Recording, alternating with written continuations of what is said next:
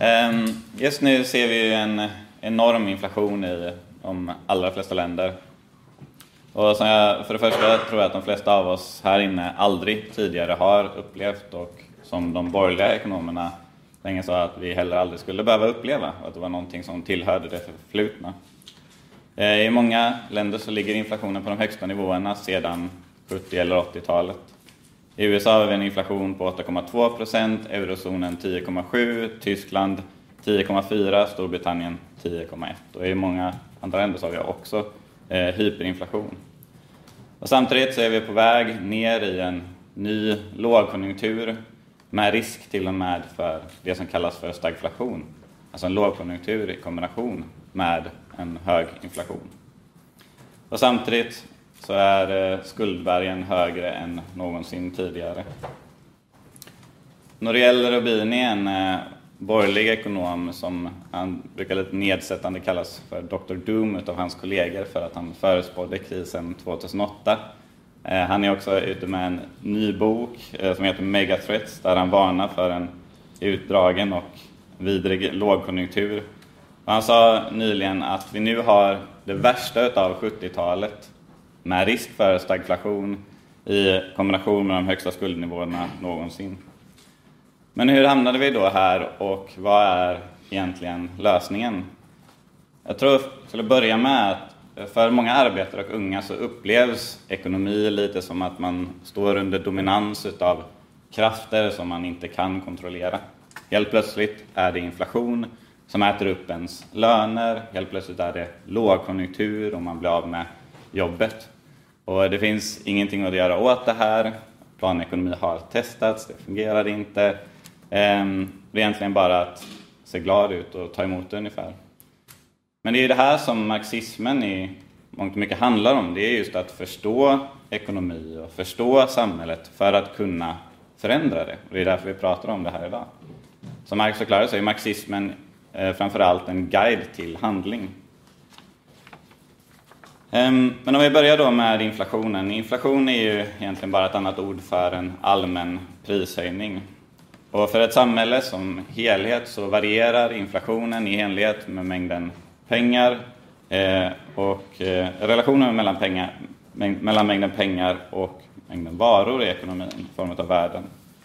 Då skulle exempelvis mängden pengar fördubblas i ekonomin utan att mängden varor fördubblas så skulle det bara leda till att priserna fördubblades.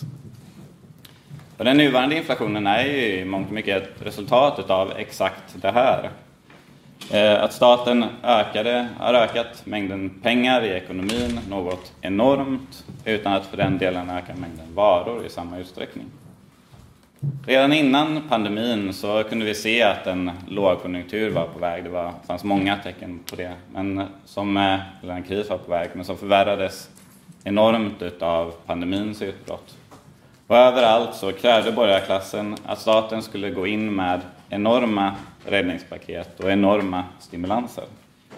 Totalt så har regeringar pumpat ut ungefär 16 000 miljarder dollar i ekonomin i form av olika stimulanser och räddningspaket.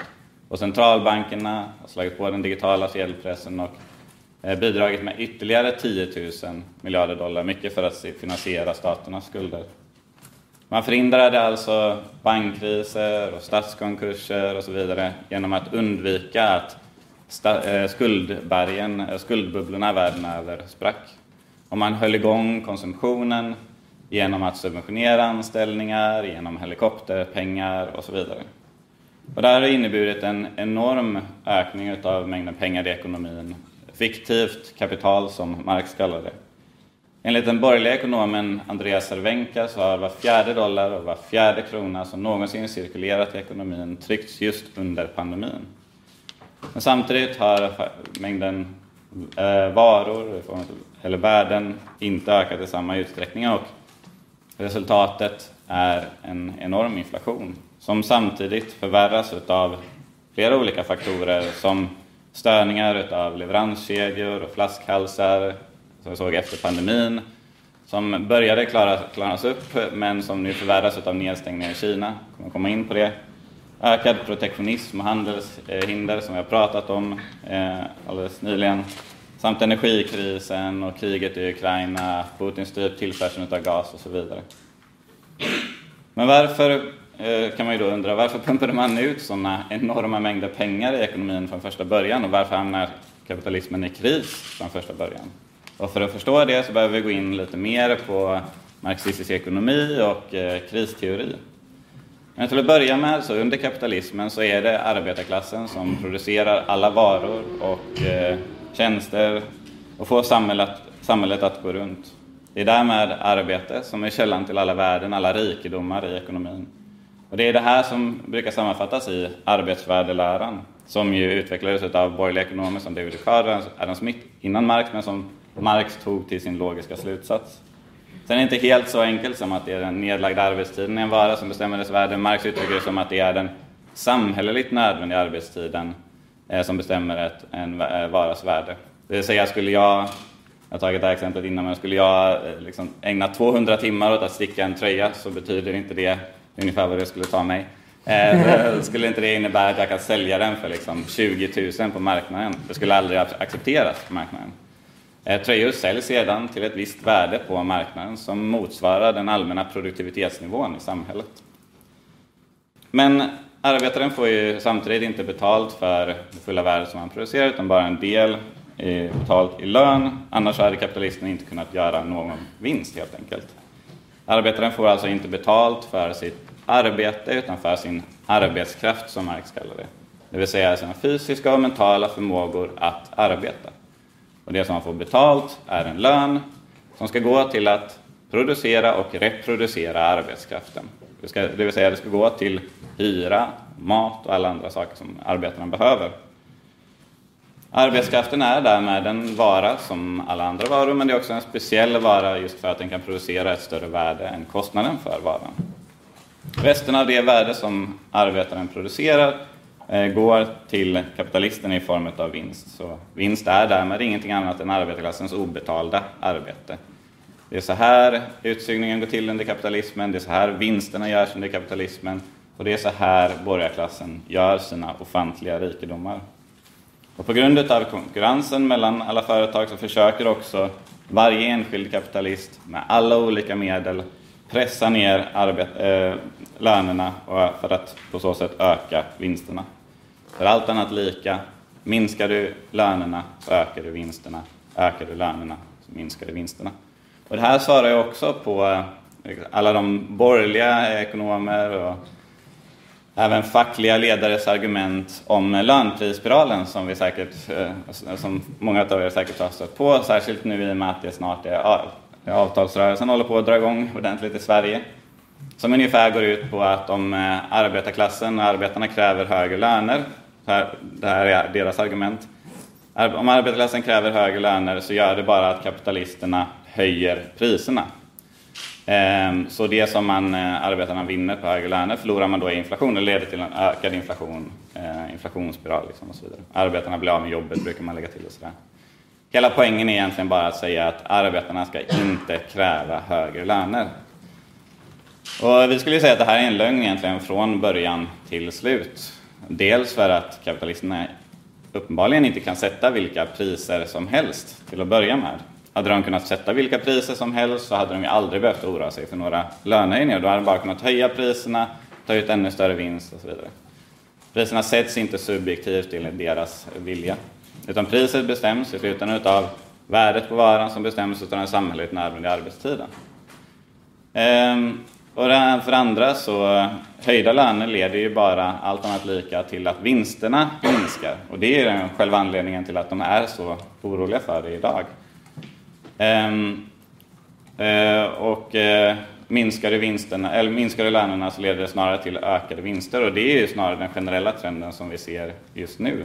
Att många företag, ja, förutom de som kanske har vissa problem med energipriserna och så vidare, men eh, gör särskilt stora vinster. Oavsett så är det inte lönerna som driver inflationen, det är inte de som har satt igång inflationen och, eh, och så vidare. Så varje enskild kapitalist försöker då med alla olika medel öka sina vinster på arbetarklassens bekostnad.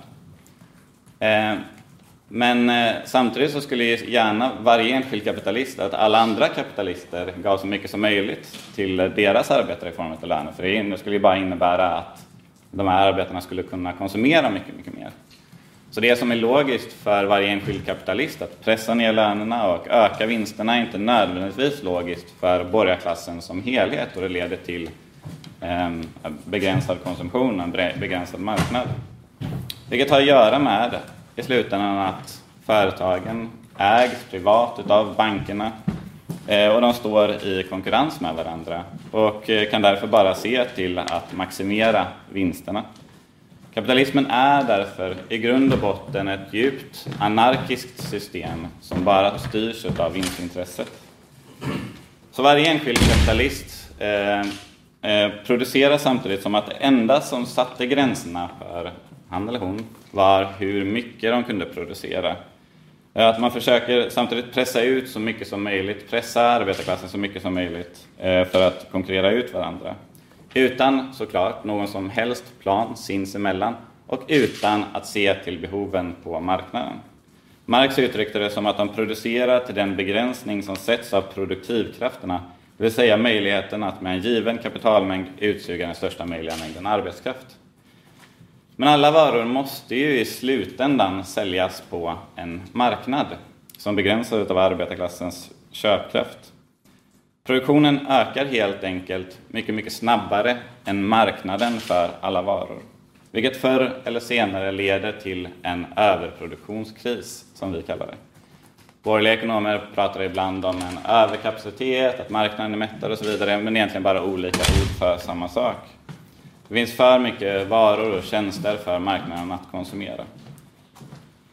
Så frågan är egentligen inte varför kapitalismen hamnar i kris, utan kanske snarare varför den inte ständigt befinner sig i kris. Arbetarklassens liksom, konsumtionskraft är alltid begränsad och pressas ju alltid ner av kapitalisterna. Och då kan man säga att det finns två sätt för kapitalisterna att komma runt det här eh, tillfället, eller snarare att de, två sätt att skjuta krisen framför sig. Dels så kan man investera i eh, produktionsmedel, eller eh, kapitalvaror som Marx kallar det. Marx skiljer mellan produktions, eh, kapitalvaror och konsumtionsvaror, konsumtionsvaror som ska säljas på en marknad. Med, och med eh, produktionsmedel eller kapitalvaror så menar vi egentligen allting som arbetarna använder i produktionen som eh, eh maskiner, datorer, robotar, råvaror och så vidare. Men i slutändan om man investerar i produktionsmedel eller kapitalvaror så innebär det ju bara att man kan producera ännu mycket mer längre fram av konsumtionsvaror som i slutändan måste säljas på en marknad som är begränsad. Det vill säga att det leder till en ännu större överproduktion längre fram. Den andra lösningen är att låna ut pengar. Dels så kan ju centralbankerna liksom sänka styrräntorna, pressa ner styrräntorna, vilket gör att bankerna kan låna ut mer, låna ut till arbetare som kan ta på sig stora bostadslån eller köpa på avbetalning och så vidare. Eh, och helt enkelt eh, konsumera, fortsätta konsumera kanske, trots att man kanske inte har råd med det. Eh, centralbankerna kan också låna ut till staten för att finansiera underskottsfinansiering, räddningspaket, stimulanser och så vidare. Och det är det här som vi också har sett i och med varje kris. Så pressar man ner räntorna, man lånar ut mer och man trycker pengar för att ta sig ur kriserna. Men det här löser ju heller ingenting, utan leder ju bara till enorma skuldberg världen över. Eh, som vi har sett eh, ökat massivt, både företags, privata och statsskulder. Världens samlade skulder ligger idag på 360 procent utav världens BNP. Och det här är skulder som förr eller senare måste betalas tillbaka och gärna med hög ränta. Det är det som vi börjar se nu mer och mer från centralbankerna. Och tryckta pengar å ena sidan leder ju bara till inflationer. Det är den andra sidan av myntet som vi ser just nu. Här kan man ju lägga till att en fråga skulle kanske direkt vara varför vi inte såg någon stor inflation efter krisen 2008 då vi också såg stora räddningspaket, stimulanser.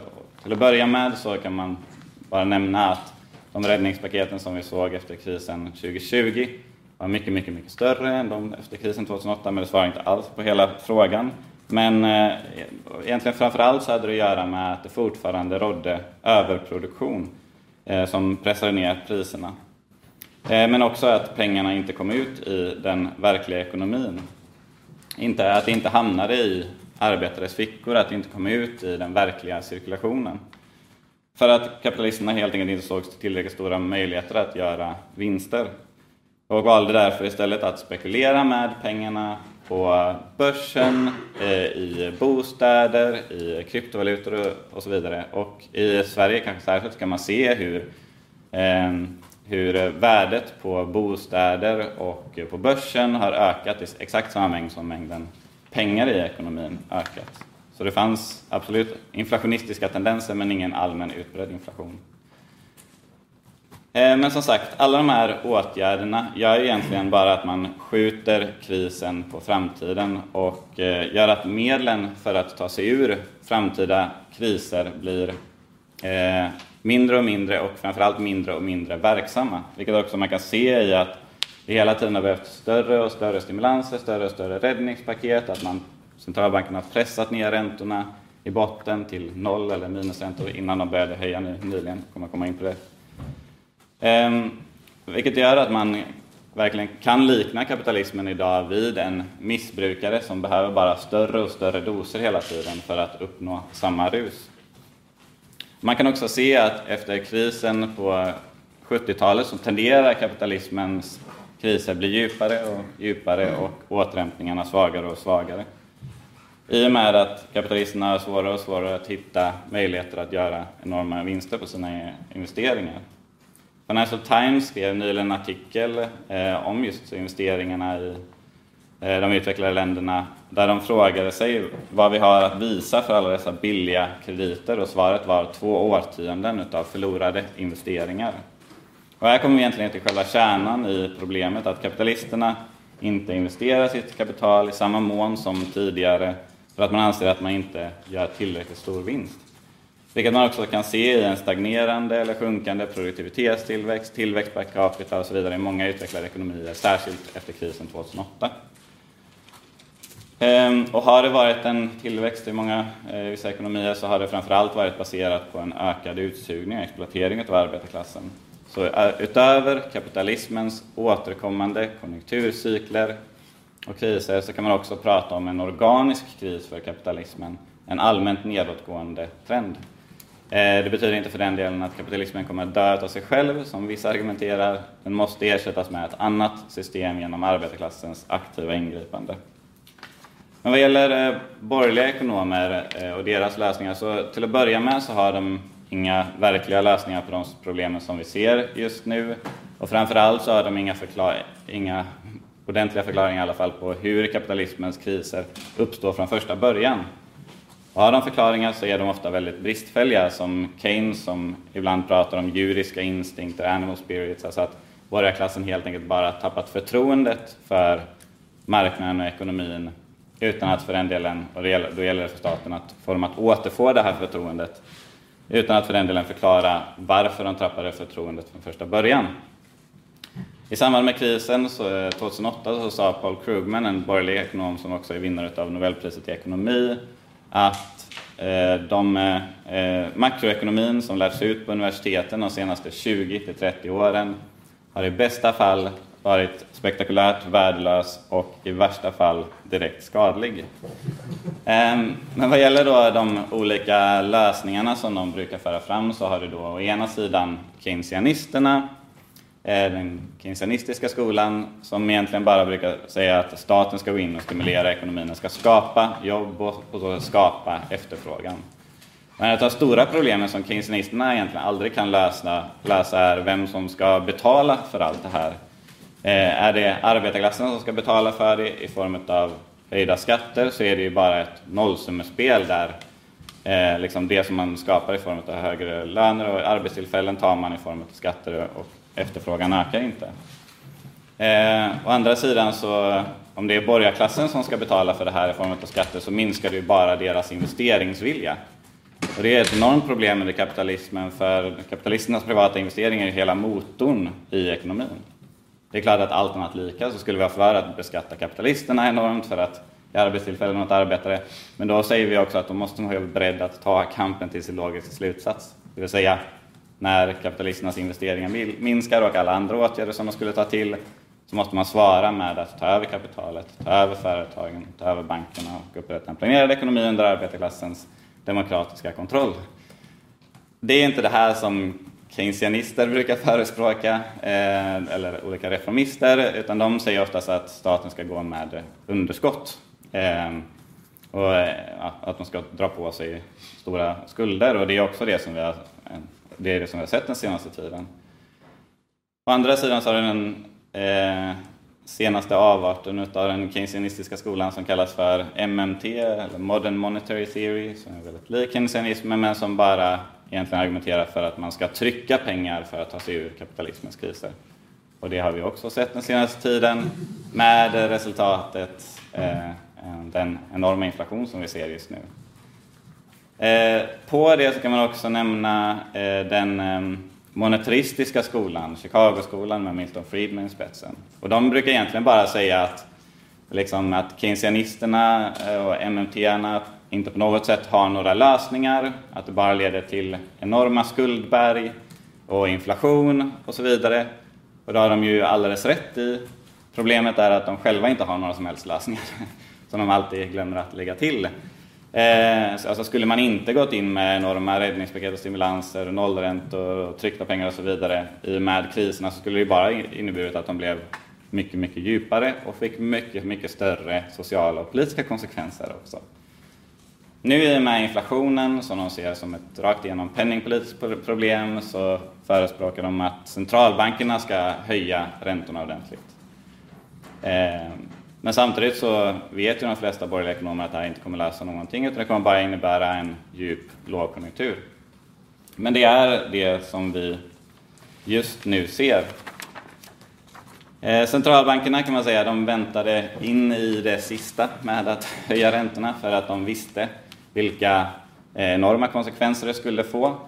Eh, tills de inte kunde vänta längre helt enkelt. Och nu ser vi snabba och drastiska räntehöjningar från alla centralbanker i princip. Från att ha legat på noll eller minusräntor så ligger nu Bank of England på 3% Fed på 3,75 ECB på 2% Detsamma gäller i princip för alla stora centralbanker. Och de flesta har också gått ut med att man planerar ytterligare räntehöjningar och att vi mycket väl kan se en fördubbling till ett av de nuvarande nivåerna till nästa sommar.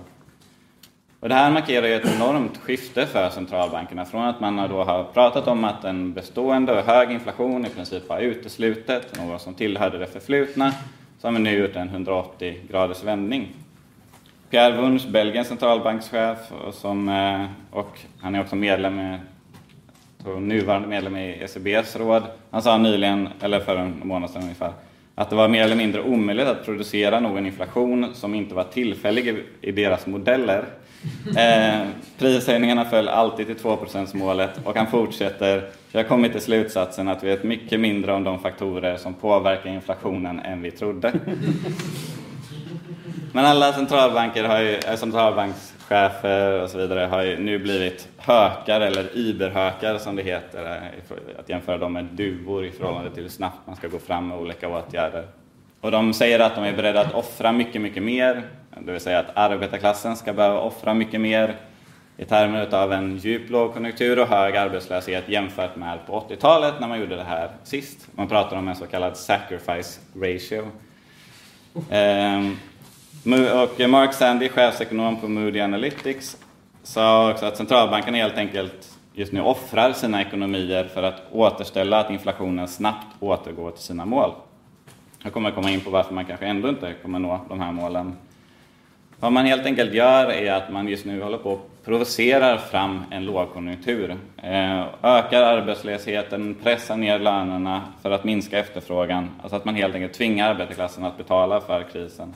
Och för att försöka undvika det som kallas för stagflation. Men som vi kanske ändå med största sannolikhet hamnar i. Eh, men de här räntehöjningarna kommer ju få enorma konsekvenser, oerhörda konsekvenser för skuldbergen som jag pratat, precis pratat om världen över, skuldbubblorna. Både de privata företagsskulderna och statsskulderna. Man undvek ju att de sprack 2020 bara genom att blåsa upp dem ännu mycket mer. Ehm, och nu utgör de här skulderna ett enormt hot för hela ekonomin. Till att börja med har vi då de privata skulderna, hushållens skulder. Centralbankerna höjer räntorna, påverkar det de privata bankernas räntor, vilket påverkar bolånen uppenbarligen. Och gör det dels mycket, mycket svårare för arbetare att skaffa nya bolån, men också gör att de existerande bolånen blir mycket, mycket dyrare och svårare att betala tillbaka på. Och det kan göra att bostadsbubblorna som har blåst upp under lång tid eh, också spricker, vilket skulle dra ner resten av ekonomin. Eh, det här utgör en särskilt hög risk i länder som Schweiz, Australien, Kanada, Sydkorea, Nederländerna, Danmark, Nya Zeeland, eh, Norge, men också i vårt egna land, i Sverige, där vi har särskilt höga privata skulder eh, som ligger på ungefär 188 procent utav disponibel inkomst, alltså årsinkomst efter skatt. Så skulle arbetaren inte göra någonting annat än att betala tillbaka på lånen Eh, så kan man säga att det skulle ta nästan två år att betala tillbaka på det.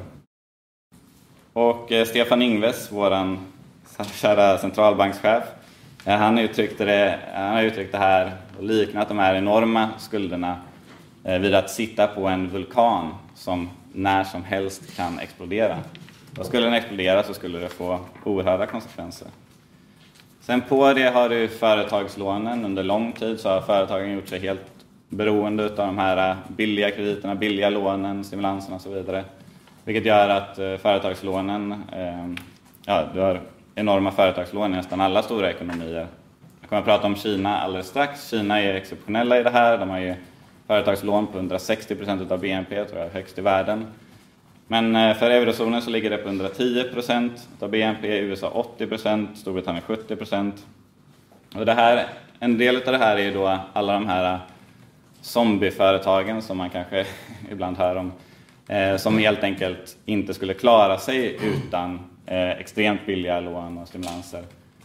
De utgör inte någon enorm del av ekonomin, de utgör för ungefär 6 procent av alla företag. Eh, men det skulle ha en viss påverkan om alla de gick under.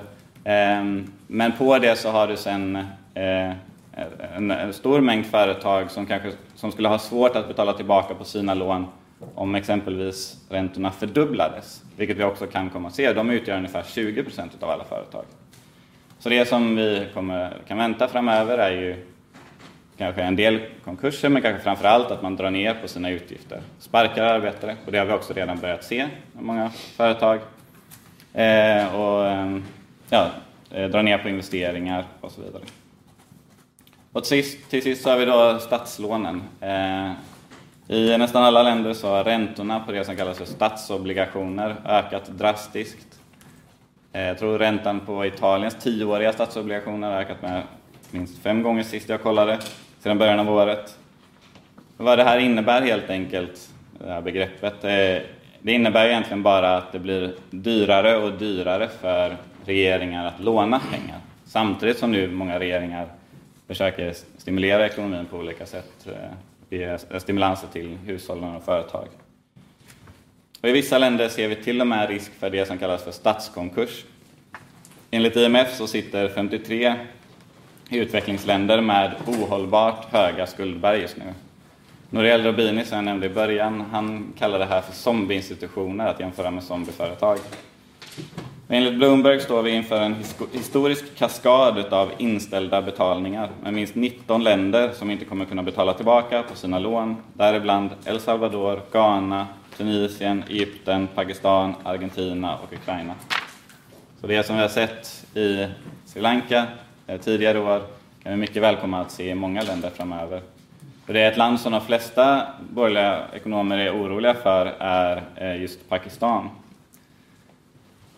Eh, kanske några som det går bra för just nu, eh, bara en parentes, men det är de privata bankerna. För när centralbankerna höjer räntorna så höjer de också insättningsräntorna, vilket gör att när privata bankerna får in pengar från bolån och så vidare så kan de sätta in det på centralbankerna och göra sig en extra slant just nu. Eh, det är också vissa som pratar att det här även kan utgöra problem för centralbankerna eh, när eh, räntorna på deras obligationer eh, stiger kraftigt och priserna sjunker och så vidare så kan de få problem med ekonomin. Eh, och staten kan helt enkelt behöva skjuta peng, in, till pengar till centralbankerna. Men eh, de här effekterna av räntehöjningarna som vi just nu ser, eh, det är också hela poängen. Det är så här centralbankerna kan strypa efterfrågan i ekonomin och få ner, eh, försöka få ner inflationen i alla fall. Men bara genom såklart oerhörda politiska och sociala konsekvenser. Man kan ju bara föreställa sig vad som kommer hända om ja, företag går i konkurs för det första, eh, bostadsbubblorna spricker och statskonkurser eh, på det. Eh, och inte minst så kommer ju räntehöjningarna fördjupa den lågkonjunktur då som redan är på väg. Många borgerliga ekonomer de förutspår en negativ tillväxt för de stora ekonomierna redan i fjärde kvartalet i år, om inte det så nästa år. Eh, och de höga energi och gaspriserna i Europa tvingar redan industrier att, många industrier att stänga ner, vilket också ger ringar på vattnet för resten av ekonomin i Europa. Börserna världen över har sjunkit med 25 procent i år, vilket gör det här till det sämsta året sedan 80-talet. Utöver det så har vi då även Kina. Eh, den sjunkande tillväxten i Kina som förväntas landa på under 3 procent i år. De hade ett mål på 5,5 procent. Och de dras ju med eh, extremt höga företagsskulder som utgör 160 procent av BNP. Och särskilt inom fastighetssektorn som utgör ungefär 20 procent av eh, Kinas BNP. Eh, där du har en enorm kris just nu där bygg, bostadsbyggandet har minskat drastiskt, där bostadspriserna har fallit 11 månader i rad, fallit med 30 procent, där investeringarna har minskat och det här gör helt enkelt att många eh, fastighetsbolag har svårt eh, att betala tillbaka på lånen och många har börjat ställa in sina betalningar, vilket får oerhörda konsekvenser. Och de har också, eh, det är lite komplicerat, men de har också slutat köpa mark av de lokala myndigheterna vilket gör att de lokala myndigheterna just nu har svårt med sina ekonomier och eh, de, de, har också enorma skulder. Eh, alla har enorma skulder, men de har skulder som motsvarar ungefär 50 procent av Kinas BNP. Eh, och på det så har du också ytterligare nedstängningar till följd av Kinas nolltoleranspolitik mot corona. Och allt det här sammantaget håller på att dra ner Kinas ekonomi, vilket såklart skulle påverka eh, och kommer påverka hela världsekonomin. Kina har ju länge varit det landet som har hållit, en av de faktorerna som har hållit uppe hela världsekonomin. Och Kina är också Tysklands största exportmarknad, så en nedgång i Kina kommer innebära, påverka Tyskland enormt. Och inflationen förväntas också ligga kvar på höga nivåer även nästa år. Eh, dels för att centralbankernas räntehöjningar tar tid att ge effekt, eh, men också för att även om man höjer räntorna så är det som framförallt driver inflationen i Europa är ju kriget och energipriserna men också eh, alltså brist i leveranskedjor som jag nämnde i början som bara delvis har klarnats upp men som förvärras nu av Kinas nedstängningar. På det ökad protektionism, handelskonflikter, militära utgifter och så vidare. Och allt det här kommer ju inte direkt påverkas alltså bara för att centralbankerna höjer räntorna.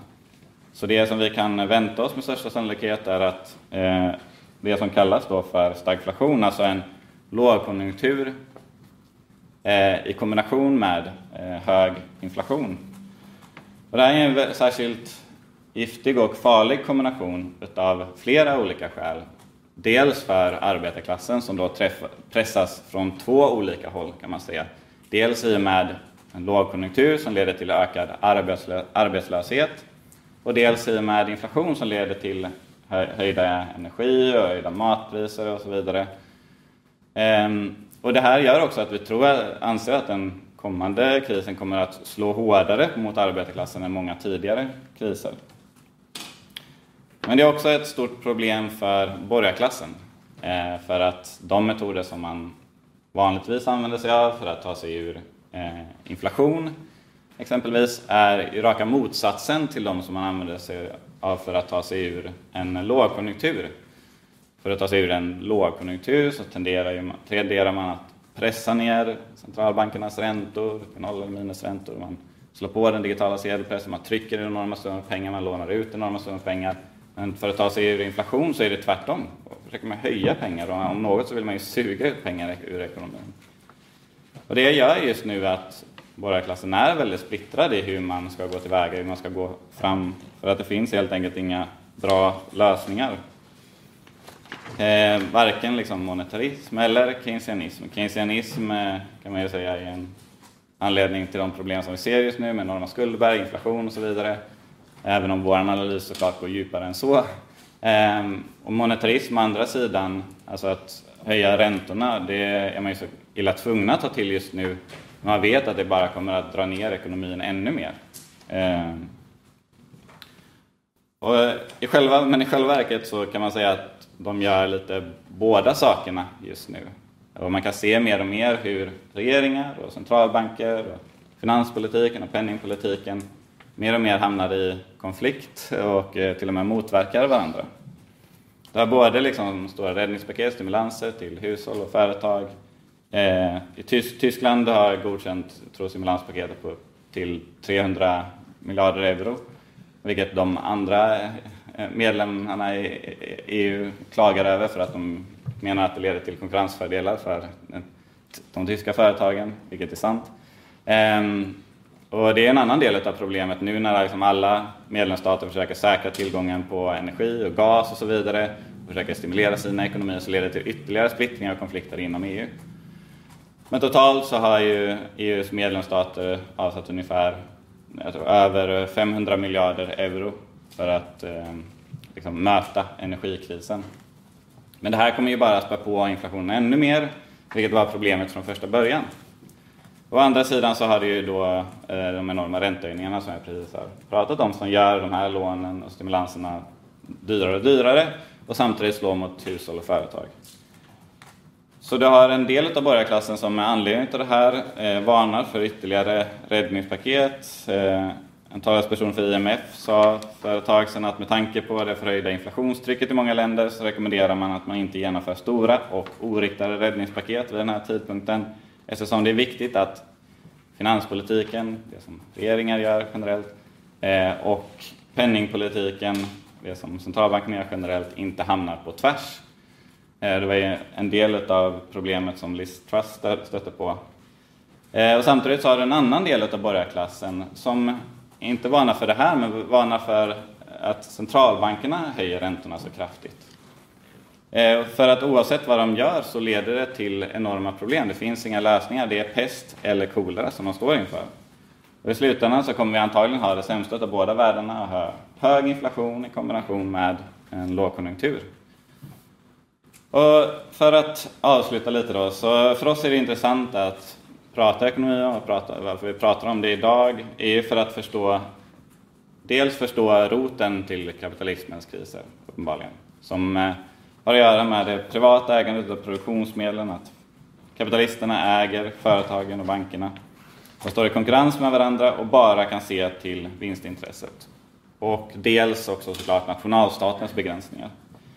För att lösa det här så krävs ingenting mindre än en internationell socialistisk revolution där arbetarklassen tar makten, upprättar en planerad ekonomi så att man då kan se till majoritetens behov och intressen istället för kapitalisternas vinstintressen.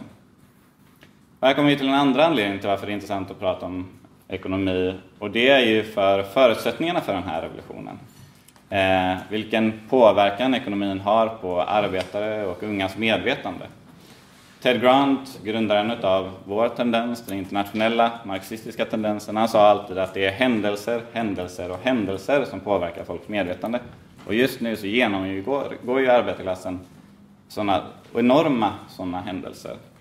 Det är ju dels eh, enorma inflationen, som vi pratat om, stigande priser, sjunkande reallöner i kombination med enorma räntehöjningar, ny lågkonjunktur på väg, risk för stagflation och så vidare.